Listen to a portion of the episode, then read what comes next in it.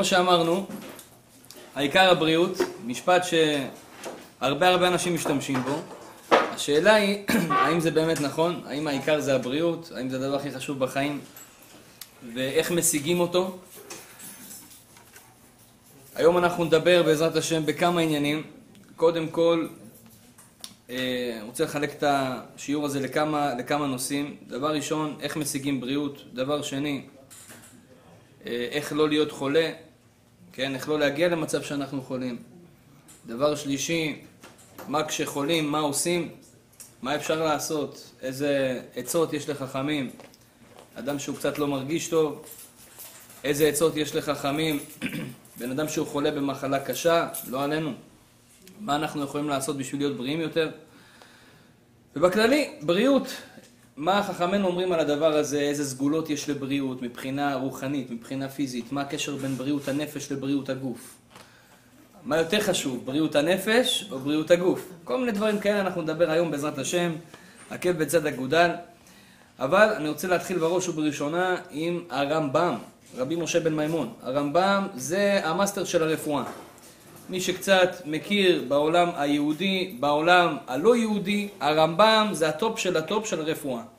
חוץ מזה שהוא היה תלמיד חכם עצום, וכל החיים שלו השקיע בתורה, הוא היה גם רופא גדול, וזה נראה לי הבן אדם, הרופא היחיד בעולם, שכתב משפט שכל רופא בעולם היה מפחד לכתוב את המשפט הזה. הוא בעצם, אנחנו תכף נראה מה זה המשפט הזה, אבל הרמב"ם כתב משפט שהוא במשפט הזה אומר, אני מבטיח לך שאם אתה עושה את זה, אתה בחיים לא תהיה חולה. מבטיח. וזה מאוד מעניין, כי רמב"ם זה לא סתם איזה אחד, זה הרמב"ם, ואם הוא מבטיח, כנראה שזה בדוק ומנוסה ובמאה אחוז. אז אנחנו גם נראה בדיוק מה ההבטחה של הרמב"ם ומה אנחנו יכולים לעשות בשביל לשמור על הבריאות שלנו. אז הרמב"ם בהלכות דעות, יש לו ספר שנקרא ספר המדע, ספר המדע בהלכות דעות, פרק רביעי, כמדומני, שמה הוא כותב בעצם את העצות, מה בן אדם צריך לעשות כל יום כדי שיהיה לו גוף בריא. והוא אומר לנו שם כל מיני כללים, ואחד מהכללים הכי אה, חשובים שלו, הוא כותב ככה: כל זמן שהאדם מתעמל ויגיע הרבה ואינו שבע ומאב רפים, אין חול ליבה עליו וכוחו מתחזק ואפילו אם אוכל מאכלים רעים. זה הלשון של הרמב"ם. זאת אומרת, הרמב"ם אומר לנו ככה, כל זמן שאדם מתאמן, מתאמן זה מתאמן. אם אתה מתאמן, הכוונה הולך, עושה כושר. עכשיו, הרב עובדיה שאל, מה זה נקרא להתאמן? אז הוא אומר, לפחות מינימום חצי שעה הליכה ביום, זה מה שהרמב"ם מתכוון.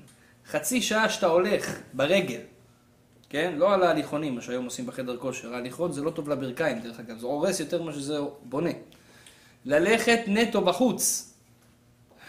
כשאדם הולך בחוץ, לפחות חצי שעה ביום, זה מה שמתכוון התעמלות הרמב"ם. עכשיו, יכול להיות שאתה לא הולך, אתה עושה דברים אחרים, כושר וכולי, או יכול להיות שאתה גם לא הולך במטרה ספציפית בשביל ללכת, אלא אתה פשוט זז ממקום למקום בעבודה, או זז ממקום למקום בבית, או עולה מדרגות וכולי, זה גם נקרא הליכה.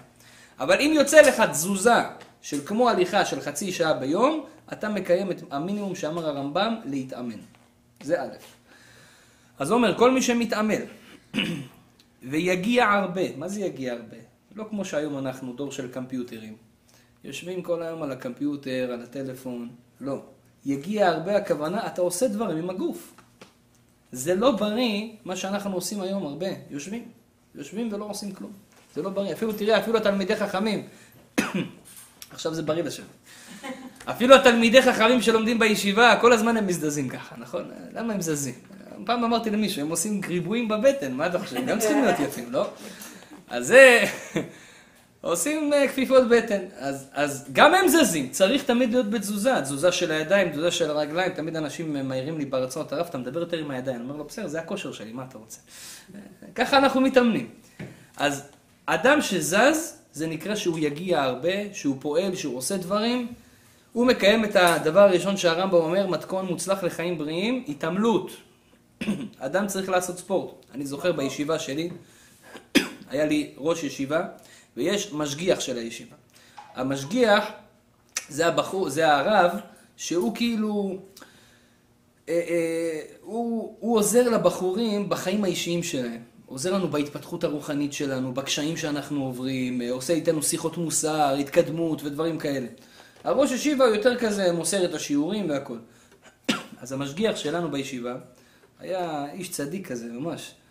אז אני זוכר כל בוקר, תראו מה זה, ככה הוא חינך אותנו, ראינו את זה בעיניים. כל בוקר אנחנו באים לישיבה בשעה שבע בבוקר, אנחנו רואים את המשגיח עם הזקן הגדול ככה, רץ. כל בוקר עושה ריצה מסביב לישיבה. כן, הזקן שלו מתפצל ככה לשתיים, אני זוכר מהרוח. כל בוקר היה רץ! להראות לאנשים, לא רק להראות, גם לעצמו, אבל הוא היה מראה לאנשים, תראה, צריכים לשמור על בריאות הגוף, צריך להתאמן מה שאומר הרמב"ם כדי לשמור, ובאמת, כתוב בתורה, ונשמרתם מאוד לנפשותיכם, אנחנו צריכים לשמור על עצמנו. אי אפשר ככה, חזון איש היה מאוד מאוד מחמיר בזה. הוא אמר, אדם שלא שומר על בריאות הגוף שלו, אז, אז זה, הוא עושה עבירה, הוא עושה נגד מה שהקדוש ברוך הוא ציווה ואמר בתורה. ולכן צריכים גם לעשות את הדבר הזה. אז זה התאמנות, דבר ראשון. דבר שני אומר, ואינו שבע. מה זה אינו שבע? מה, לא צריך להיות שבע? חשבתי, ואכלת ושבעת וברכת, צריך להיות שבע. אלא תשימו לב, מה אנחנו אומרים בברכת המזון, רבותיי? יש משפט מאוד מעניין בברכת המזון. כתוב שמה, מה שאכלנו יהיה לשובע. מה שתינו יהיה לרפואה. ומה שהותרנו יהיה לברכה. שאלו אותי פעם, מה זה מה שהותרנו? צריך להותיר בצלחת? אתם יודעים, האימהות היו אומרות ככה, אני לא יודע, ככה אימא שלי הייתה אומרת לי. אם אתה משאיר בצלחת, לא יהיה לך מזל. זה המזל שלך נשאר בצלחת. אז הייתי מפחד, הייתי אוכל את הכל. כל אחד יש לו, תשאיר משהו בצלחת, אז יקרה משהו, לא יודע מה, תמיד מפחידים אותך. כאילו צריך לאכול את כל הצלחת. אבל כתוב בברכת המזון, מה שהותרנו, יהיה לברכה. אז מישהו שאל אותי, אמר הרב, אולי צריך באמת להשאיר בצלחת, זה טוב, זה לברכה. אמרתי לו, לא צדיק, מה שהותרנו בבטן. מה הכוונה? הבטן שלנו יכולה להכיל 100%, אבל בורא עולם לא רוצה שנמלא אותו עד הסוף. למה? הוא רוצה שנשאיר קצת ריק. מי שמשאיר, הרמב"ם אומר, רבע או שליש מהמעיים שלו ריקות, זה בריא לגוף. לא שבע, לא צריך למלות את עצמנו להתפוצץ, זה לא בריא. אתן לכם משל למה הדבר דומה. פעם עשיתם בלנדר, היום זה דור של שייקים, כולם עושים שייקים. כן, הנה, בבקשה. עושים שייקים. טוב, בבלנדר צריכים לעשות בלנד. אז ת, תנסו עכשיו להפציץ את כל הבלנדר עד הסוף. איך הוא יעבוד? הוא ייתקע, הוא בקושי יעבוד, נכון? הקיבה שלנו זה כמו בלנדר, רבותיי. אם אתה מפוצץ אותה עד הסוף, היא לא עובדת טוב. זה גורם לחולאים, זה גורם לבעיות. אם אדם רוצה באמת לשמור על הבריאות שלו, ישאיר קצת מקום בקיבה, תמיד ריק. האמת היא, הגמרא אומרת שכשאדם כועס,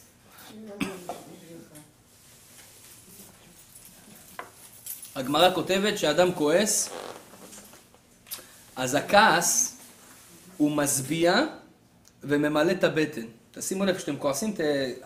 לפני שאתה כועס, לפני שאתה, שאתה כועס אתה רעב, בדרך כלל. אבל אחרי שאתה כועס, בדרך כלל קצת, נהיים קצת יותר שבעים. הכעס הוא, הוא משביע. הוא תופס מקום בבטן, ככה כתוב בגמרא. כן? כתוב שהכעס תופס מקום בבטן. אז הגמרא אומרת, אם בן אדם אוכל עד הסוף, לא משאיר מקום ריק, ואז פתאום בא לו איזה כעס, לא יודע, מישהו חתך אותו בכביש, מישהו עצבן אותו, אשתו, הילדים, קורה. פתאום הוא התעצבן, מה שקורה עכשיו, הכעס אין לו מקום בבטן, וגורם לבטן כביכול כמו להתפוצץ. גורם לבטן, חוסר איזון, גורם לבטן בעיות בריאותיות. ולכן, אדם צריך להשאיר, זה עוד סיבה למה אדם צריך להשאיר מקום בבטן שיהיה קצת לכעס. לא שצריך לכעוס, חס ושלום, אסור לכעוס. אבל במקרה וחס ושלום כעסתי, שיהיה קצת מקום לכעס. בגלל זה כתוב, יש רבי יונתן אבי שיצומר, יש פסוק, אה, צדיק אוכל לשובע נפשו. ובטן רשעים תחסר. ככה כותב שלמה במשלי. צדיק אוכל לשובע נפשו ובטן רשעים תחסר. למה צדיק אוכל לשובע והבטן רשעים צריך להיות חסר? אומר רבי יונתן אבי שצדיק לא כועס. אז צדיק יכול לאכול עד הסוף, לא צריך להשאיר מקום לכעס, כי הוא לא כועס אף פעם. ובטן רשעים תחסר, אבל הרשע הוא כועס הרבה, נכון? כל דבר שזז, כועס עליו. על השולחן הוא כועס, למה נתקעתי בך? אז הוא גם כועס עליו. כל דבר הוא כועס. אז בגלל שהוא כועס על כל דבר, הוא צריך שיהיה לו מקום בבטן. בטן רשעים תחסר. אתה רשע, אתה צריך להשאיר קצת מקום לכעס בבטן. זה הפירוש של רבי נתן אבישיס. בכל מקום אנחנו לומדים מכאן דבר גדול, מה שהותרנו בבטן יהיה לברכה. צריכים להשאיר מקום בבטן, לא לאכול עד הסוף, זה אחד מחוקי הבריאות שהרמב"ם כותב שאם תעשה את זה אתה לא תהיה חולה לעולם. אז אמרנו שתיים, להתאמן, לפחות חצי שעה הליכה ביום, אמרנו לאו דווקא הליכה, אלא אפשר גם ללכת כל מיני מקומות אם אתה עובד, הולך, שיהיה הליכה ויהיה תזוזה יומית, כושר, פלוס, דבר שני, דבר שני, אה, בטן רשעים תחסר, סתם, אה, אדם לשמור על הבטן שלו שהיא לא תהיה מלאה, לאכול ולהשאיר מה שהותרנו יהיה לברכה. זה דבר שני. דבר שלישי אומר הרמב"ם, הוא מאב רפים. מה זה מאב רפים? שתי פירושים בדבר. מאב רפים, שהמעיים שלנו, כשאנחנו אוכלים, נחזור למשל של הבלנדר. תארו לכם, אתם רוצים לעשות תפוחים, מנגו, קישואים, כל מיני דברים בתוך הבלנדר. ואתם שמים את זה ככה, על יבש. מה הולך לקרות לבלנדר? הוא לא יטחן כמו שצריך. אבל תוסיף לזה קצת מים, אז הוא ירגיש שזה יותר חופשי, יתחיל לזוז. אותו דבר הבטן של האדם. אדם צריך לשתות, שיהיה לו גם מים בבטן, אבל לא בזמן הארוחה, שזה לא בריא. רק יין לשתות בזמן הארוחה, הרמב"ם אומר זה בריא. לשתות לפני הארוחה. מים, לשתות לפני הארוחה. מה שאתה רוצה לשתות, ורק אחר כך לאכול, ואז באמת יהיה עיכול טוב. במצב כזה אדם שומר על המעיים שלו הם רפים, לא קשים. רפואיים. זה פירוש ראשון. פירוש שני, מאב רפים שהולך לשירותים בזמן. וכותב הרמב"ם במקום אחר, שעיקר החולאים וכל המחלות הקשות שבאות לאדם זה בגלל שלא הולך לשירותים בזמן. עד כדי כך הדבר הזה חשוב. אדם שמתאפק גורם לעצמו מחלות. כתוב שרב הונא בגמרא, כשהיה נותן דרשה, הוא עשה את החכמים שבאים לדרשה שלו עקרים. כל החכמים שבאו לדרשה שלו, הם נעשו עקרים. למה הם נעשו עקרים? כי כשהוא היה, כשהוא היה דורש דרשה, כשהוא היה אומר דברי תורה, אז היו מתביישים לצאת. למה? הכל היה שורות שורות. בן אדם שהיה רוצה לצאת מהדרשה, היה צריך לעבור את כל השורות הצפופות ולהפריע לאנשים, והוא הרגיש לא נעים, אז הוא היה כבר נשאר עד הסוף. ורב הונא היה מדבר הרבה זמן, שעות. וכבר אנשים, סליחה מכבודכם, רוצים לשירותים. אז הם היו נשארים בכוח ודוחקים את עצמם להישאר בשיעור, ובגלל זה הם נעשו עקרים. עד כדי כך, אדם יכול להיות עקר מזה שהוא שומר את, ה, את הדברים, את הצרכים שלו בתוכו. דבר לא טוב. גם מבחינה רוחנית, אומר הבן איש חי, שבעצם כל הדברים, היציאות שיוצאים לאדם, הדברים האלה, יש בהם טומאה.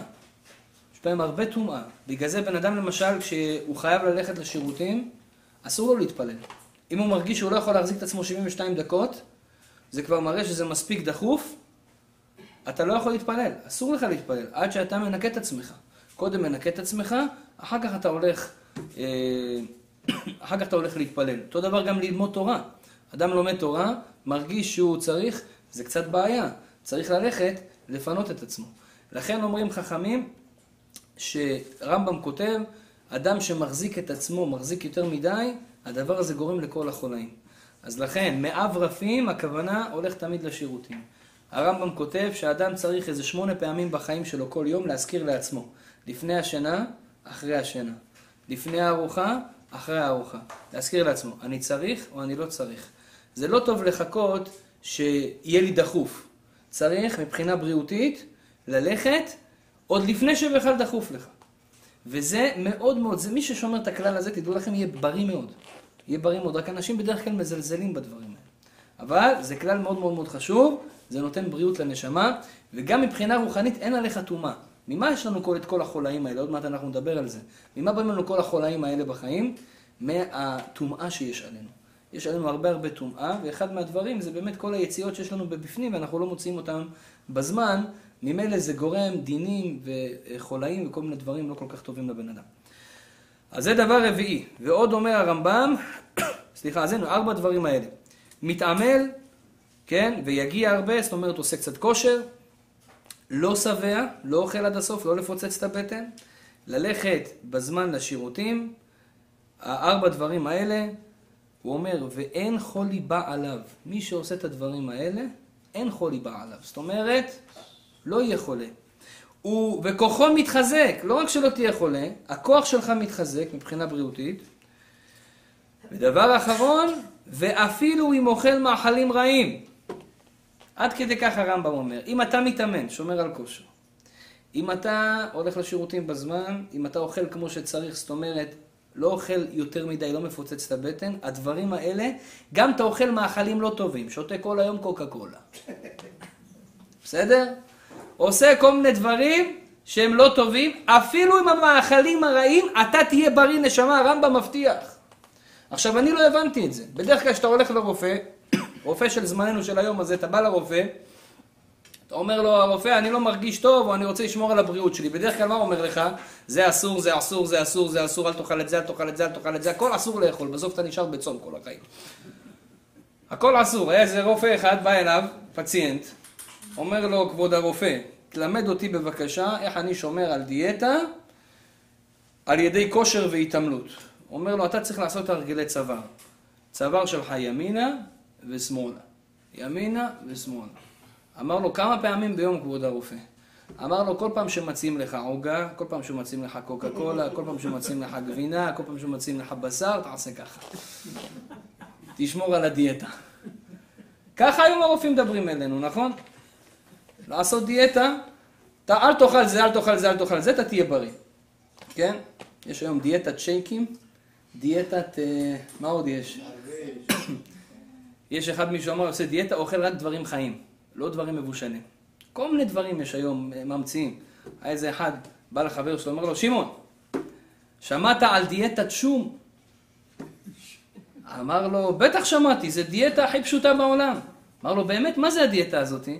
אמר לו, תשמע, אתה אוכל הרבה שום, אנשים מתרחקים ממך, כשאתה רחוק מאנשים אתה נראה רזה. פתרת בעיה. בקיצור, יש הרבה הרבה סוגים של דיאטות, אדם יכול להרזות בכל מיני סיבות, אבל אומר הרמב"ם, זה לא הפתרון שהרופא יגיד לך, זה אסור, זה אסור, זה אסור, זה אסור. אני רוצה שתביא לי פתרון שעם כל הזה שאני אוכל, אני לא יכול הרי להתנזר מהכל. עם כל מה שאני אוכל, לפעמים דברים לא בריאים, והיום רבותיי אין דבר כזה בריא. היום אתה אוכל עגבניה, זה לא בריא. אין מה לעשות. מרססים אותה, מבריקים אותה, אתה, לוקח את העגבניה, אתה מסתנוור מה, מה, מה, מהברק שלה, מאיפה יש לה ברק? מרססים שם כל מיני דברים, שמים שם שעווה, מישהו הראה לי לפני איזה חודש תפוח, הוא אומר בוא תיגע, תראה, לקח סכין, גירד את התפוח, יוצא שעווה. אמרתי אפשר להדליק הבדלה עם זה, ממש, חבל על הזמן. אז מה עושים? היום שום דבר לא בריא. גם אתה לא תצא מזה. אם יבוא לך רופא ויגיד לך אל תאכל את זה, אל תאכל את זה, אל תאכל את זה, הוא לא יעזור לך באמת, כי גם על מלפפון זה לא בריא. אז מה עושים? תראה מה הרמב"ם, הרמב"ם זה חוכמה אמיתית. הוא אומר לך, תראה, תעשה את השלוש ארבע דברים האלה שאמרתי, תתאמן. אבל לא צריך להגזים, יש כאלה חותמים קבע בחדר כושר, זה לא טוב. זה ממש לא טוב.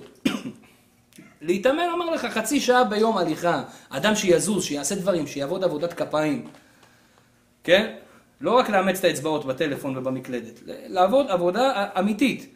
זה דבר ראשון, כמו שאמרנו, אה, אה, אה, לא לדחוק את מה שיש לאדם יציאות שצריך ללכת לשירותים, לא לאכול, לא להתפוצץ, גם לא בשבת. יש כאלה חושבים שעונג שבת, זהו, אפשר לפרק את כל השולחן, להכניס אותו לתוכנו. לא, לא, זה לא בריא. חפץ חיים כותב, הגמרא אומרת, שגם אחרי האכילה צריכים ללכת. לא טוב ללכת לישון ישר אחרי אכילה. הגמרא אומרת, מי, ש... מי שאוכל ולא הולך ארבע אמות, מסכן את עצמו.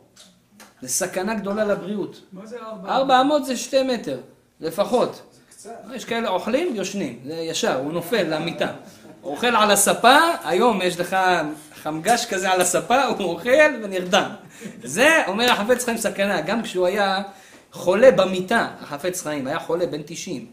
היה מביאים לו אוכל למיטה, הוא היה אוכל, אחרי האוכל היה אומר להם תרימו אותי, הולך כמה מטרים, חוזר למיטה. כי הגמרא אומרת זה מסוכן. זה מספיק? כמה מטרים? הגמרא אומרת 400 זה מספיק, אנחנו לא נחלוק על הגמרא, אבל עדיף לעשות יותר משיכול ללכת יותר. אבל כללו של דבר, אדם לא יאכל, לא יפוצץ את עצמו, גם לא בשבת, יעשה את זה, הרמב"ם אומר אפילו אוכל מאכלים רעים, לא יהיה חולה רבותיי. אז זה כמה כללים שנוכל לשמור אותם, זה מאוד פשוט, כדי שלא להיות חולים בעתיד. אבל צריכים לדעת ששמירת הבריאות זה לא רק תלוי בבריאות הגוף. שמירת הבריאות היא תלויה בעיקר בבריאות הנפש. מה הכוונה? יש לנו גוף, יש לנו נשמה. הנשמה שלנו, הנפש שלנו, גם לה יש סוג של אנטומיה מסוימת, סוג של, כן, היא בנויה בצורה מסוימת, כמו שהגוף בנוי בצורה מסוימת. יש דברים שהם בריאים לגוף, יש דברים שהם בריאים, שהם לא בריאים לגוף, יש דברים שהם בריאים לנשמה ויש דברים שהם לא בריאים לנשמה. אדם שפוגם בנשמה שלו, הגוף שלו נפגם ממילא אחר כך גם כן. ולכן אתה יכול לאכול כל היום מולטי גריין ברד, אול וויט, לאכול מה שאתה, כל ה... לקחת קפסולות, שמן דגים, שמן פקורות, שמן צנונות, שמן מה שאתה רוצה. כל הוויטמין E, B, C, A, Z, הכל אתה תיקח. אבל אם הנפש שלך לא בסדר, אתה תהיה חולה עם כל הוויטמינים ביחד. מה הכוונה? אתן לכם דוגמה. יש הרבה אנשים שהם בשביל הבריאות שומרים על דיאטה. זאת אומרת, לא לאכול יותר מדי דברים. הוא בא לדוקטור, כמו שאמרתי לכם, הדוקטורים של היום, הוא אומר לו, את זה, הוא נותן לו רשימה, עשר דפים, כל זה אל תאכל. טוב, צריכים להתחיל לא לאכול את כל הדברים האלה. עכשיו, מה קורה? הוא לא אוכל את זה ולא אוכל את זה ולא אוכל את זה ונזהר מזה. בסוף נכנס לדיכאון, אין מה לאכול. הוא כל פעם פותח את המקרר, סוגר את המקרר. הולך, חוזר סיבוב. עוד פעם פותח את המקרר, סוגר. הולך החוצה, חוזר. הוא נכנס לעצבות נפשית, אין לו מה לאכול. עכשיו תגידו לי, מה עדיף, שיאכל משהו לא בריא או שיהיה בעצבות? שיאכל משהו לא בריא.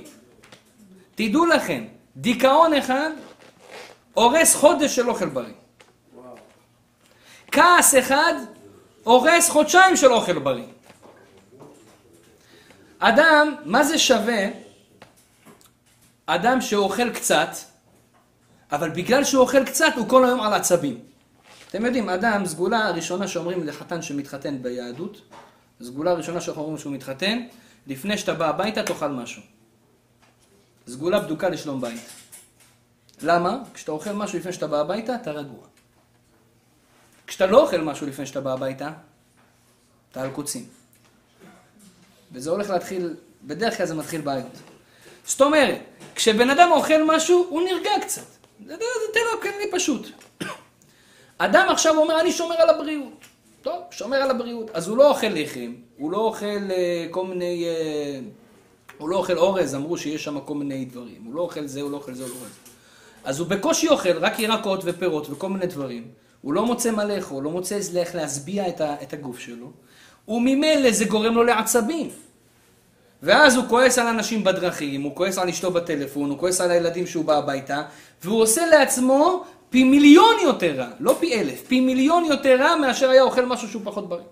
עכשיו, זה לא שאני עכשיו מדרבן אתכם לאכול דברים לא בריאים, לא, צריך לאכול דברים בריאים. אבל אם אתה רואה שאכילת דברים בריאים גורמת לך לעצבים, כי אין לך מה לאכול, עדיף שתאכל דברים שהם פחות מזיקים, מזיקים מאשר שתגיע לכעס, מאשר שתגיע לדיכאון ועצבות, מאשר שתגיע לשנאה של בן אדם לחברו ודברים כאלה.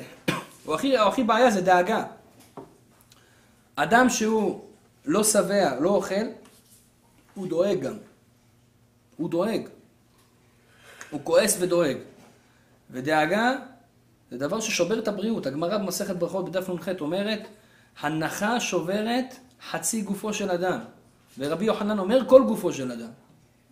מה הכוונה? הנחה, אתם יודעים מה זה הנחה? אה, יש לי הרבה בעיות בחיים. מה אני אעשה עם זה? מה אני, איך אני אפתור? איך... הדאגות האלה, הוא אומר, זה שובר לך חצי גוף. ככה הגמרא אומרת. האה הזה, שובר לך חצי גוף. רבי יוחנן אומר את כל הגוף, זה שובר. זה לא בריא. שאדם דואג, שאדם חושב, מה אני אעשה, איך אני אעשה. כל הבעיות הנפשיות, רבותיי, הן גורמות ליותר היזקים בריאותיים מאשר האוכל שאנחנו אוכלים, מאשר הקור וחום וכל הדברים הללו. ולכן כשבן אדם מגיע, לק... וזהו, אני מדבר הרבה עם אנשים בריאים, כן? כשהם מגיעים לבריאות, אני עושה ככה בגרשיים בכוונה, כי הם חושבים שהם בריאים, אבל הם הכי לא בריאים בעולם. למה? כי הוא בדיכאונות, הוא בכעסים, הוא בקנאה. כתוב רקב העצמות קנאה. קנאה הורסת את העצמות. מה תעשה בלי עצמות? אי אפשר לחיות בלי עצמות. אחר כך כואב לך פה, הפרקים כואבים, הברכיים כואבים, הגב כואב, החוליות, הסחוסים. קנאה. אדם מקנא בחברו, למה יש לו בית יותר גדול משלי, ולמה הוא קנה אוטו טסלה ואני יש לי רק לקסוס. זה היום הקנאה של האנשים. כי זה, זה נפתח למעלה, וזה, זה נפתח ככה, נכון? זה ההבדל היחיד. ההוא נפתח גג למעלה, והוא נפתח גג למטה. השם ישמור. הקנאה הזאת היא הורסת לנו את הבריאות. ולכן אומרים חכמים, אתה רוצה להיות בריא? קודם כל תעבוד על הנפש. הנפש יש לה שתי, שתי אה, אה, שלבים. יש את הנפש ה, אה, הבסיסית ויש את הנפש היהודית. יהודי הוא נמצא בעוד יותר בלאגן. כי יש לו תוספת נפש. אנחנו, יש לנו אקסטרה נשמה של יהודים. אז אנחנו צריכים לדאוג גם לנשמה הנורמלית הרגילה, שזה לתקן את הכעס, לתקן את הקנאה, לתקן את השנאה, לתקן את, ה, את העצבות, את הדיכאון, כדי להיות בריאים.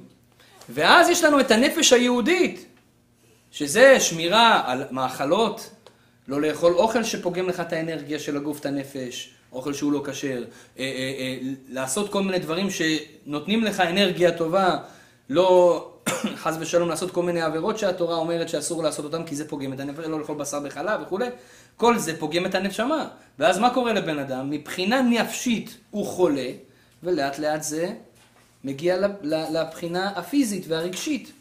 ואז הוא בדיכאונות, ואז הוא בעצבים, ואז הוא בשנאה, בקנאה, בתחרות, ואז הוא חולה. וזה בעצם, מי שיחשוב, מי שיבין, העומק של למה אנחנו חולים זה בעיות נפש. בגלל זה היום, תדעו לכם, צריכים לשלם יותר לליצנים מאשר משלמים לרופאים. אני אומר לכם בבירור. ליצן יותר מרפא מרופא. זה בדוק היום בבתי חולים, עשו מחקר, אני לא אומר לכם סתם. בארץ יש לי חבר שיש לו חברה כזאת. יש לו חברת ליצנים לבתי חולים. בחור דתי ברסלב כזה שמח, פתח ממש אגודה לשמח חולים. הוא מגיע לשם, עושה להם צחוקים, ריקודים. עכשיו, הוא משהו מקצועי, מביא משאית של, של, עם רמקולים, זה, יש לו אפקטים, דברים, חבל על הזמן. הוא משמח את החולים, מבריאים, הם מבריאים. אבל הרופא, הוא מכניס אותו יותר לסטרס. תשמע, לא יודע מה יהיה איתך.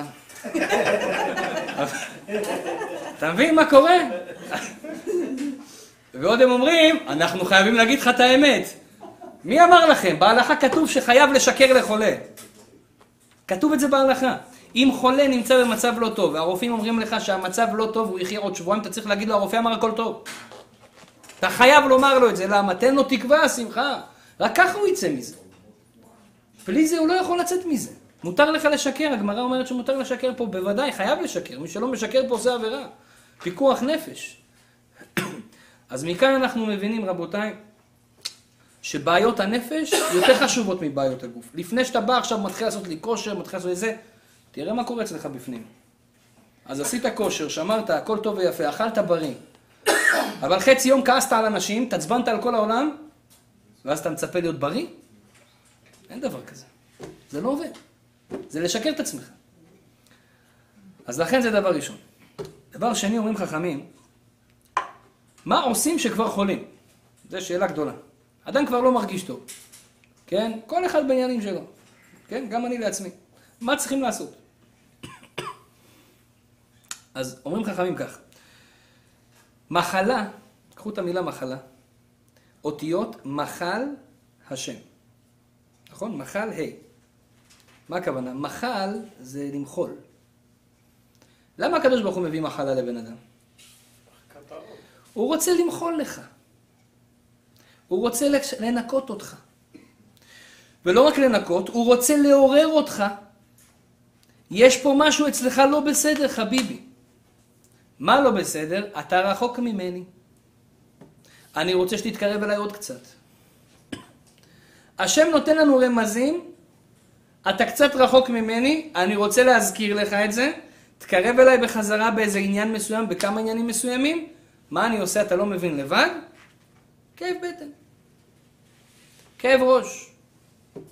עכשיו, יש בן אדם שהוא לא מבין את זה, ואז יש לו כאב ראש, מה הוא עושה? לוקח כדור. כן. ואז הוא חושב שהוא פתר את הבעיה. אבל אז פתאום, הקדוש ברוך הוא אומר לו, אתה לא מבין שאתה רחוק ממני? אתה לא מבין? אז את הראש לקח את הכדור, בסדר, עושה לו פטריה ברגל. אז אחר כך הוא הולך, לוקח משחה. לקח משחה, אחר כך עושה לו בעיות בשיניים. אחר כך הוא הולך לרופא שיניים. אחר כך עושה לו בעיות, מחוזר את הראש. עד שתבין, נשמה, עד שאתה תבין. תבין, ציר, אתה רחוק ממני, אני רוצה שתתקדם, אני רוצה שתעשה משהו. זה בעיקרון השורש של המחלה.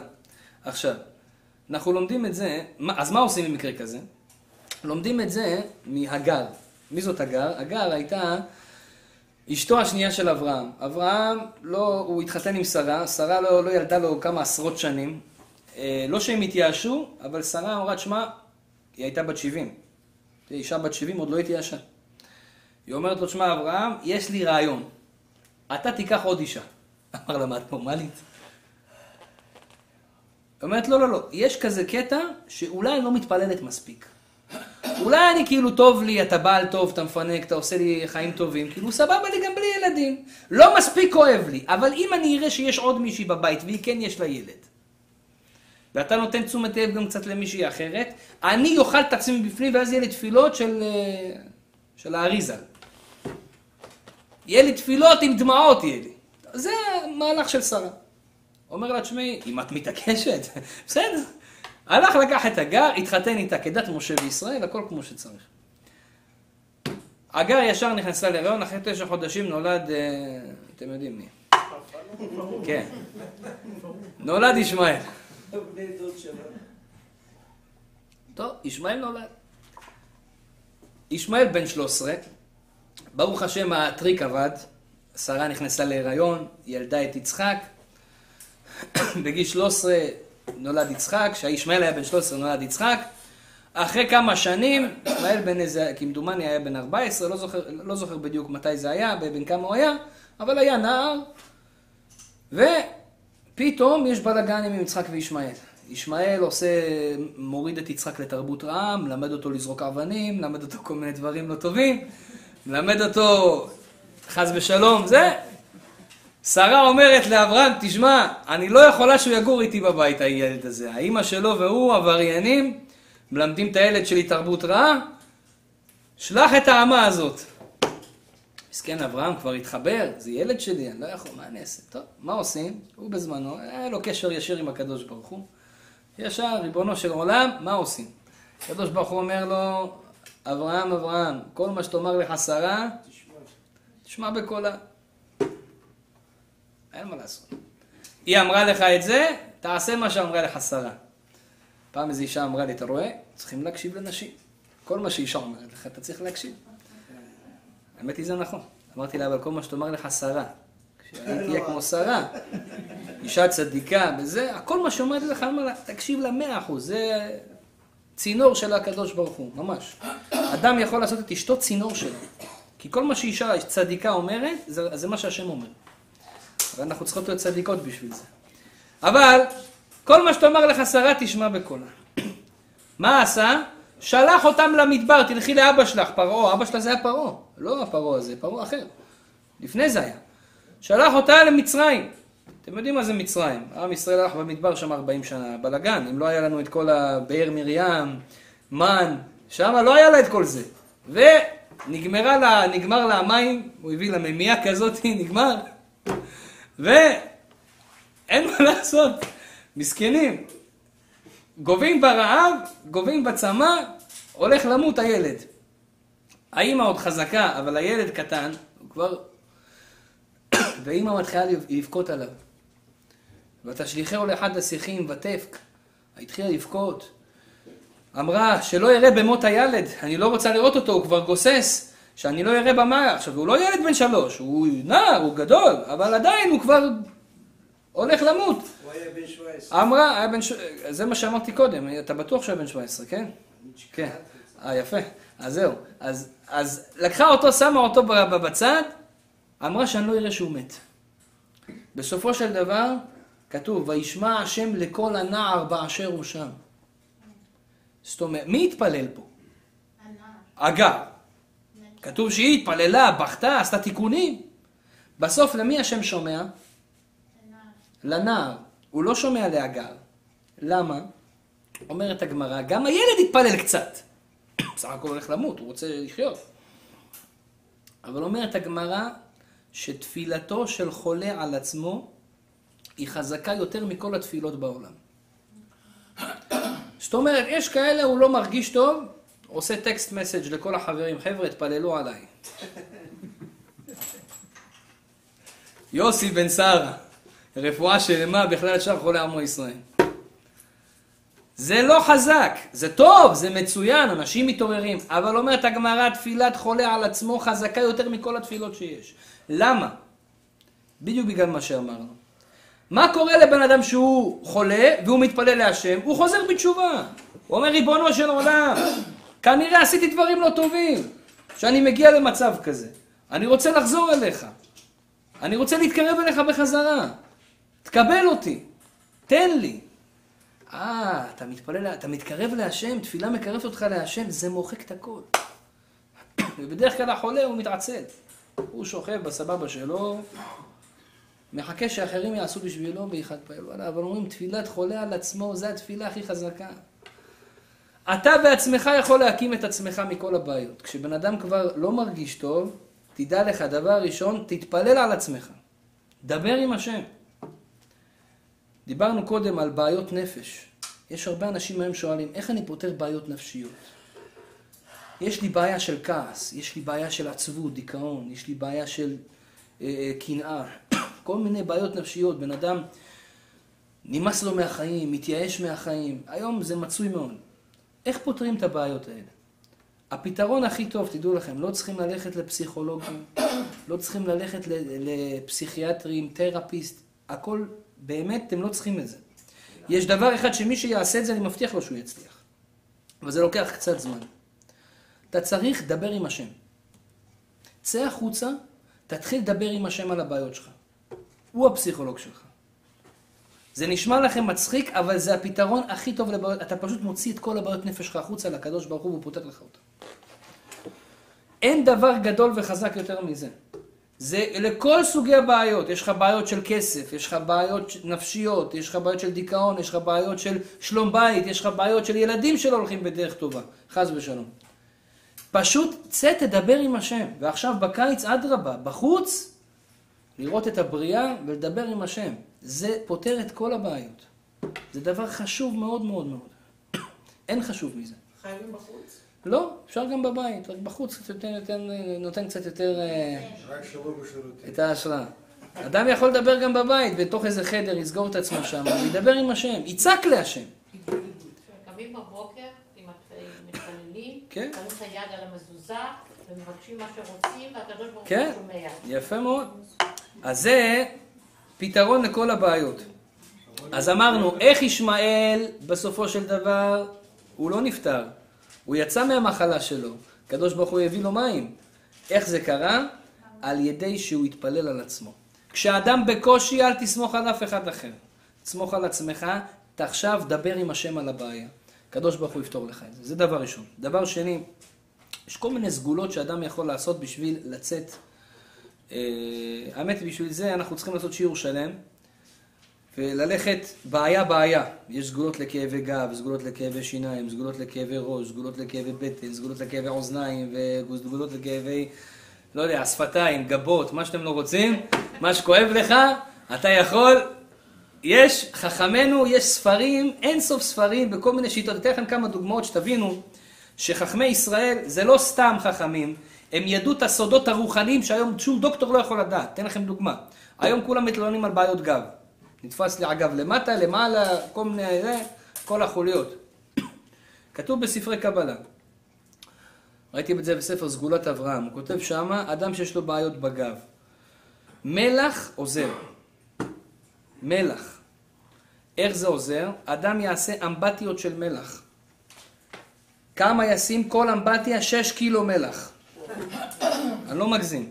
6 קילו מלח, תיקח, תקנה, היום יש פה, בקנדה ברוך השם יש להם, או קח אפילו מלח טבעי אם אתה יכול. כן, מים המלח, תגיד להם, שמע חבר'ה, אני צריך סטוקים, תביא, תעשה אמבטיות של מלח, אני אומר לכם, אדם שיש לו כאבי גב, זה ייפטר לו.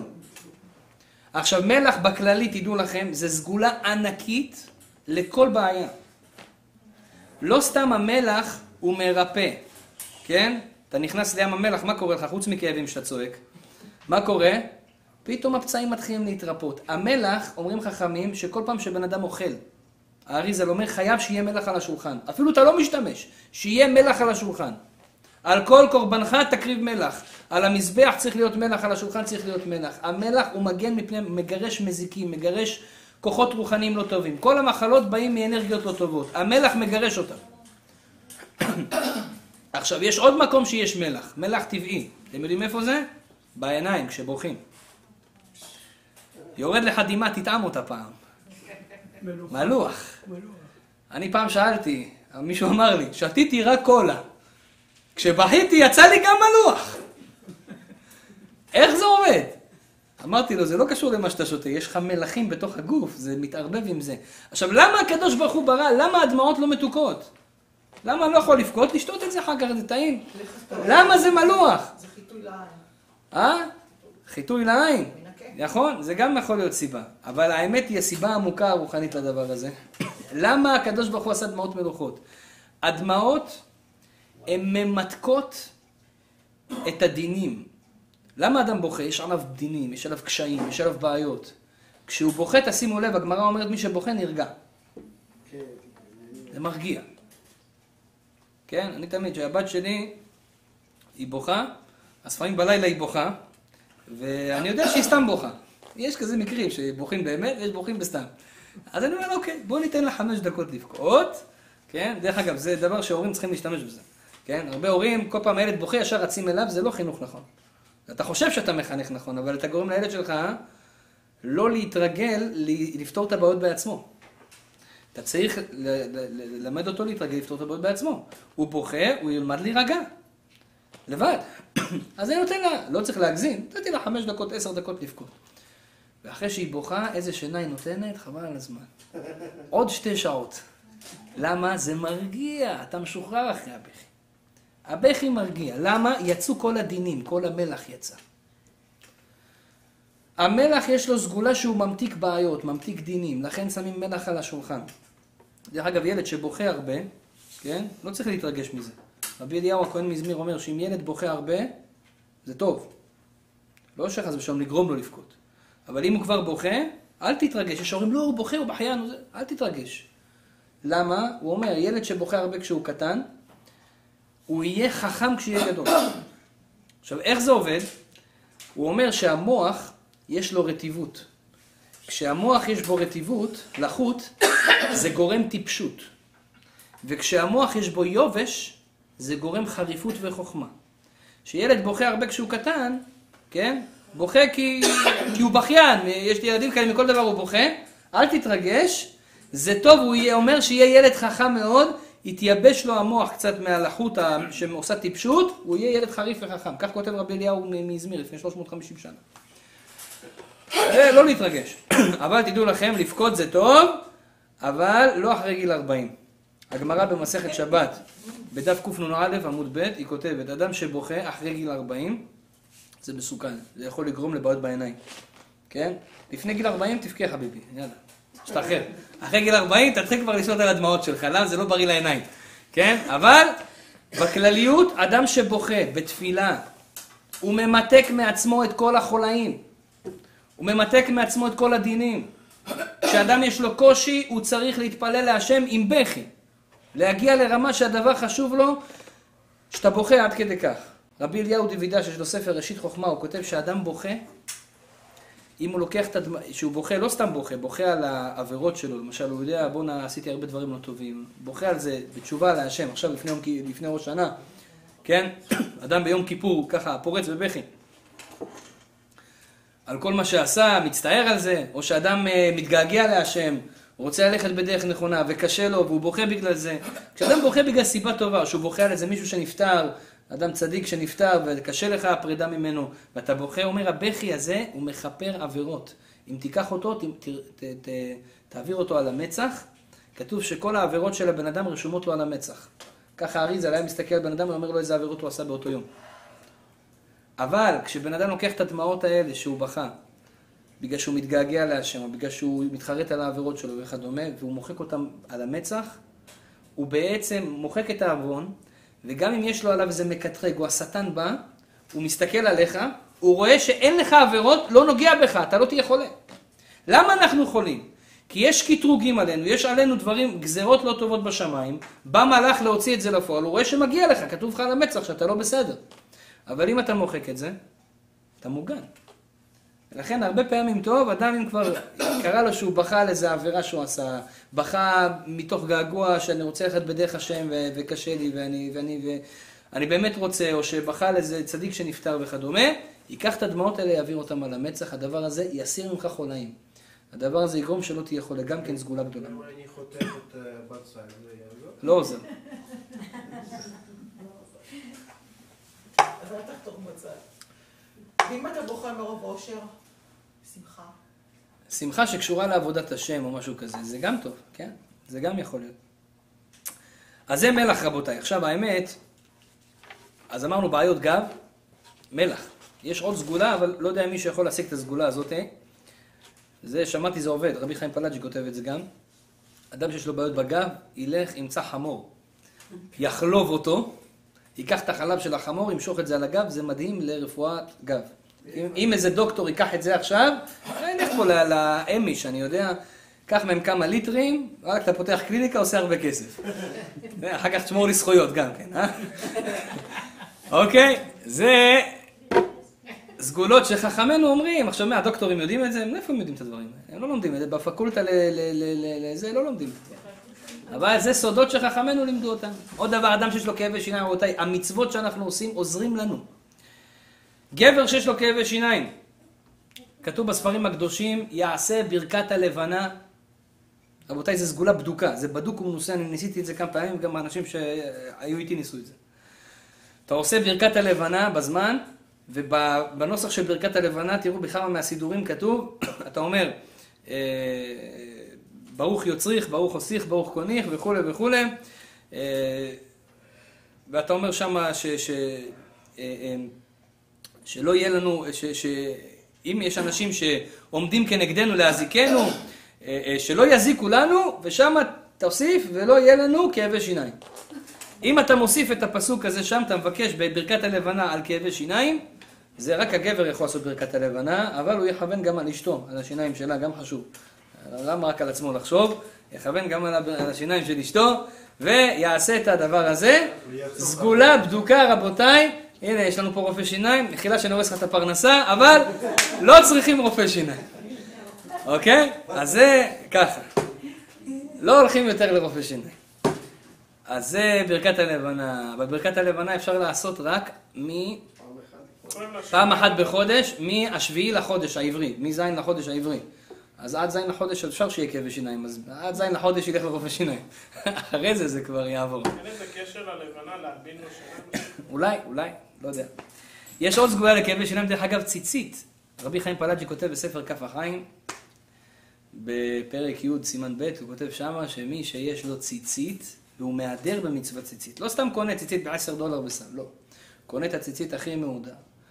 קושר אותה אצל מישהו ירא שמיים. שם אותה, יש איזו סגולה שלא יהיה לו כאבי שיניים. ציצית קטן או גדול? ציצית קטן. זה סגולה גם טובה לכאבי שיניים, מי שרוצה להשתמש בזה, הדבר הזה הוא עוזר. ומה לאישה? אה? אה, לאישה. את אומרת, כאבי שיניים לאישה. שלא יכאבו לה השיניים. האמת היא שהבעל הוא משפיע על אשתו. משפיע על אשתו.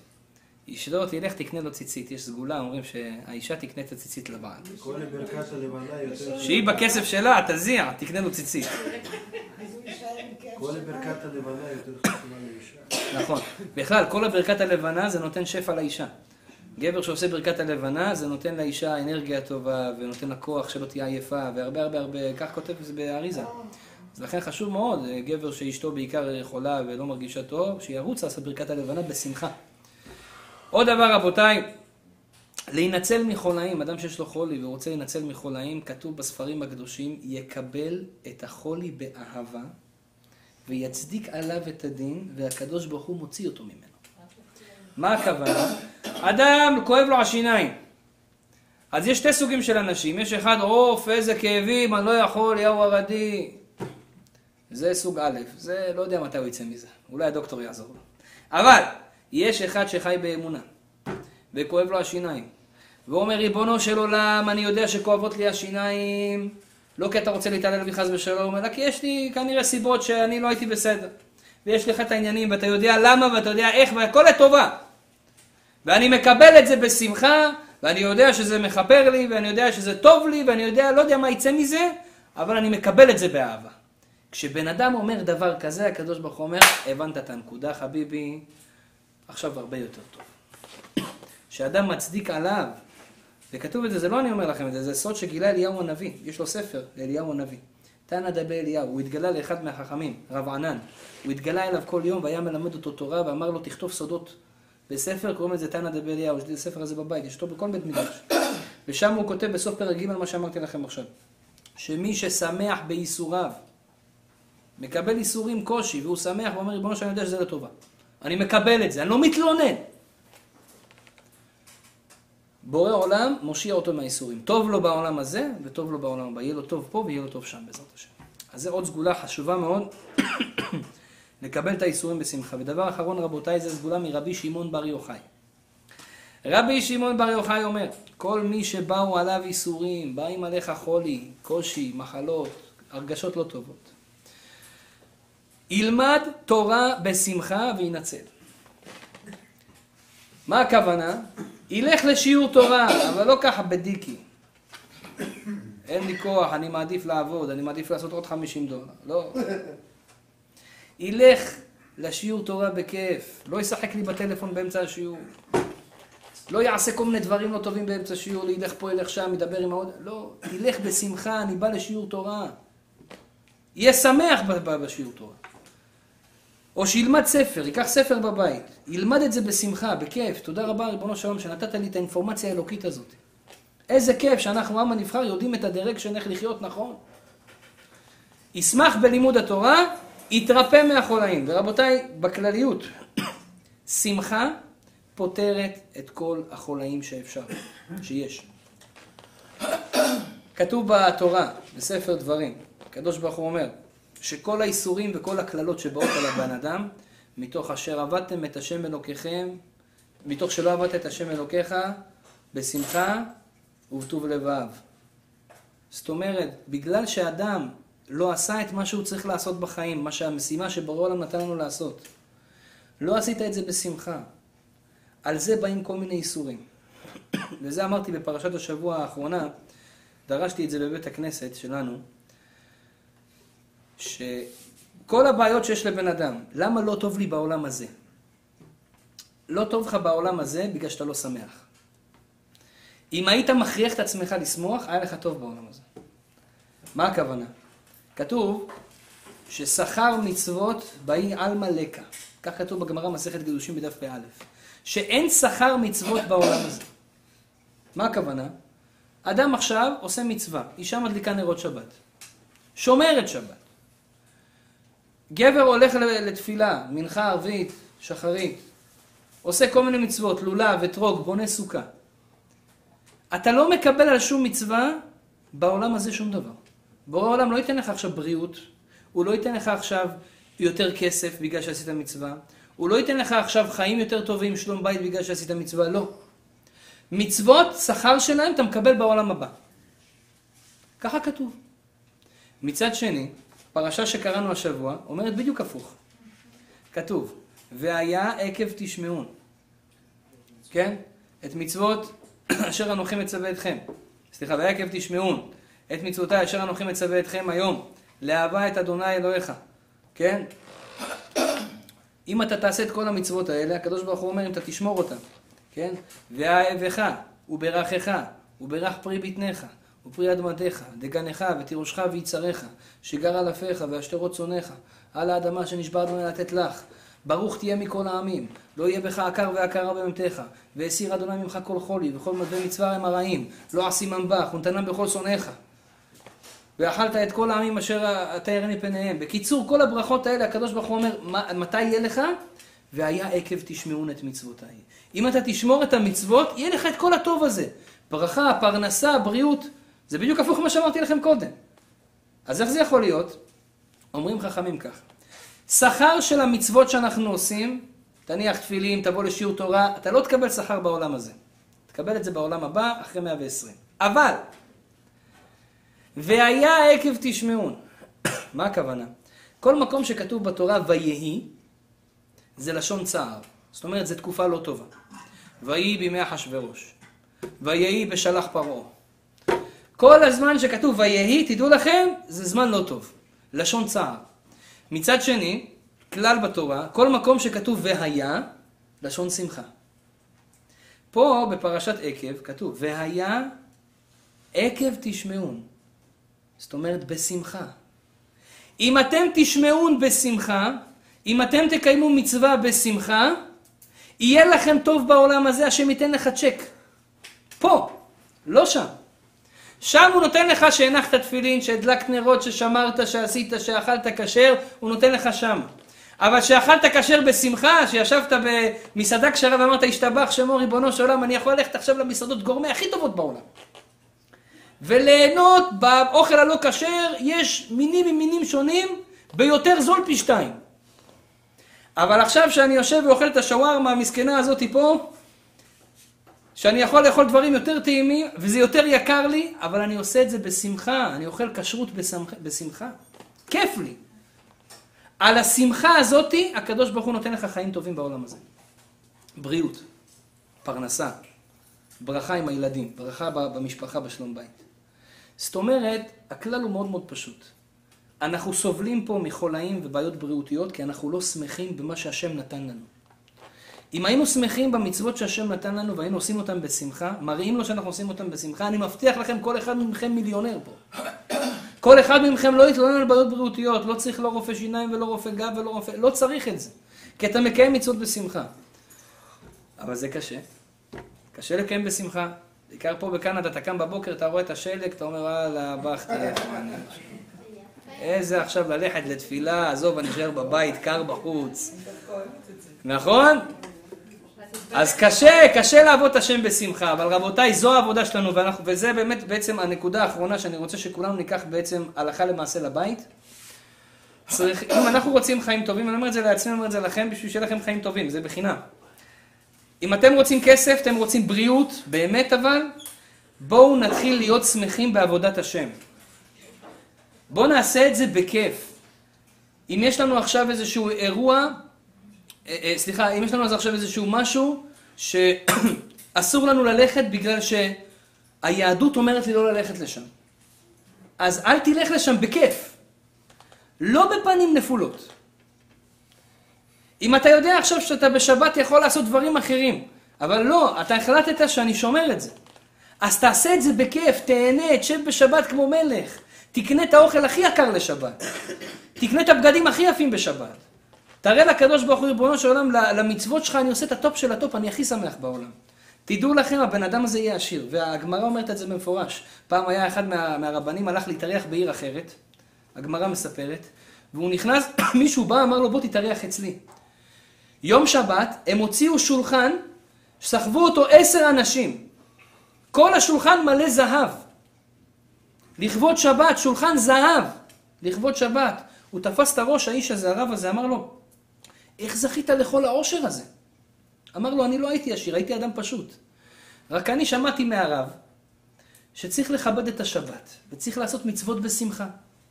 אז באותו יום קיבלתי על עצמי שאני מכבד ושמח בשבת. הלכתי, קניתי סכו"ם מכסף. לא היה לי כסף, אבל קניתי סכו"ם מכסף לכבוד שבת בלבד. אחר כך הקדוש ברוך הוא פתח לי. שמחתי עם הסכו"ם הזה, שמחתי במצווה, השם פתח לי, נתן לי יותר פרנסה, קניתי כבר מפה מאוד מאוד מאוד יקרה. קניתי אחר כך כיסאות עם ריפוד ככה, מאור. לאט לאט השתדרגתי כיסאות מכסף, כיסאות מזהב, עד שקניתי שולחן מזהב לכבוד שבת. למה? בגלל שעשיתי את עבודת השם, מה שהשם ביקש ממני, בכיף, בשמחה, עם פנים שמחות. ורבי נחמן אומר, גם אם אתה לא באמת שמח, תשקר לעצמך, תעשה חיוך בכוח. אתם יודעים למה? כי הפנים משפיעים על הלב. כן? אתה יכול להתעצבן על מישהו ככה? שונא אותך. לא רוצה לדבר איתך בחיים שלי. אי אפשר. תנסו, אי אפשר. אדם יחייך, הוא לא יכול להגיד דברים רעים, הוא לא יכול לא לשמוח במצווה. אז עכשיו, שבא לך מצווה, אני קרא לי את זה לפני שבוע, היה לי יום מה זה על הפנים, באמת על הפנים, לא מאחל את זה לאף אחד. באתי לתפילת מנחה ערבית, ואז אני רואה שאני נכנס לתפילת מנחה ערבית, ואני כולי בבאסה. ואני לא יודע מה לעשות עם הבאסה הזאת, ויש לי סיבה להיות בבאסה. ואז אמרתי, ישראל, רבי נחמן אומר שצריך לשמח את עצמך גם לשקר. ואז התחלתי לעשות uh, פרצופים. עכשיו, אם מישהו, ברוך השם שלא ראו אותי, אבל אם מישהו היה אותי, אומר, מה, הרב הזה קצת בעייתי, נראה לי אולי להחליף אותו. אבל אין מה לעשות. התחלתי לעשות פרצופים, אומר לכם את זה פתוח. התחלתי לעשות חיוכים, הרמתי את הגבות, התחלתי לחייך. למה? לנסות לשמח את עצמי. ורבותיי, זה עזר. לשכוח מכל הבעיות, אני עכשיו הולך להתפלל להשם. איך אני אעשה לו את זה בעצבות? אנחנו רוצים צ'קים, אנחנו רוצים שיהיה לנו בריאות איתנה, נכון? בואו נשמח במצוות השם. אז זה כלל גדול, וזה הלכה למעשה. מי שיקח את זה, בעזרת השם גם הקדוש ברוך הוא יזכה אותי לעשות ולהתמיד בדברים האלה. כל מצווה לעשות אותה בשמחה, בוודאי שלא יגיעו חולאים לבן אדם הזה. הוא יהיה שמח וטוב לבב, הוא בריא ושלם. אני מאחל לכל הקהל הקדוש הזה, הקדוש ברוך הוא ישמור אתכם מכל צרה וצוקה, מכל נגע ומחלה. שלח לכם... נכון, ישלח לכם ברכה והצלחה בכל מעשה ידיכם, מה שתעשו תשכילו ותצליחו, ובריאות איתנה לכל חולי עמו ישראל, אמן ואמן.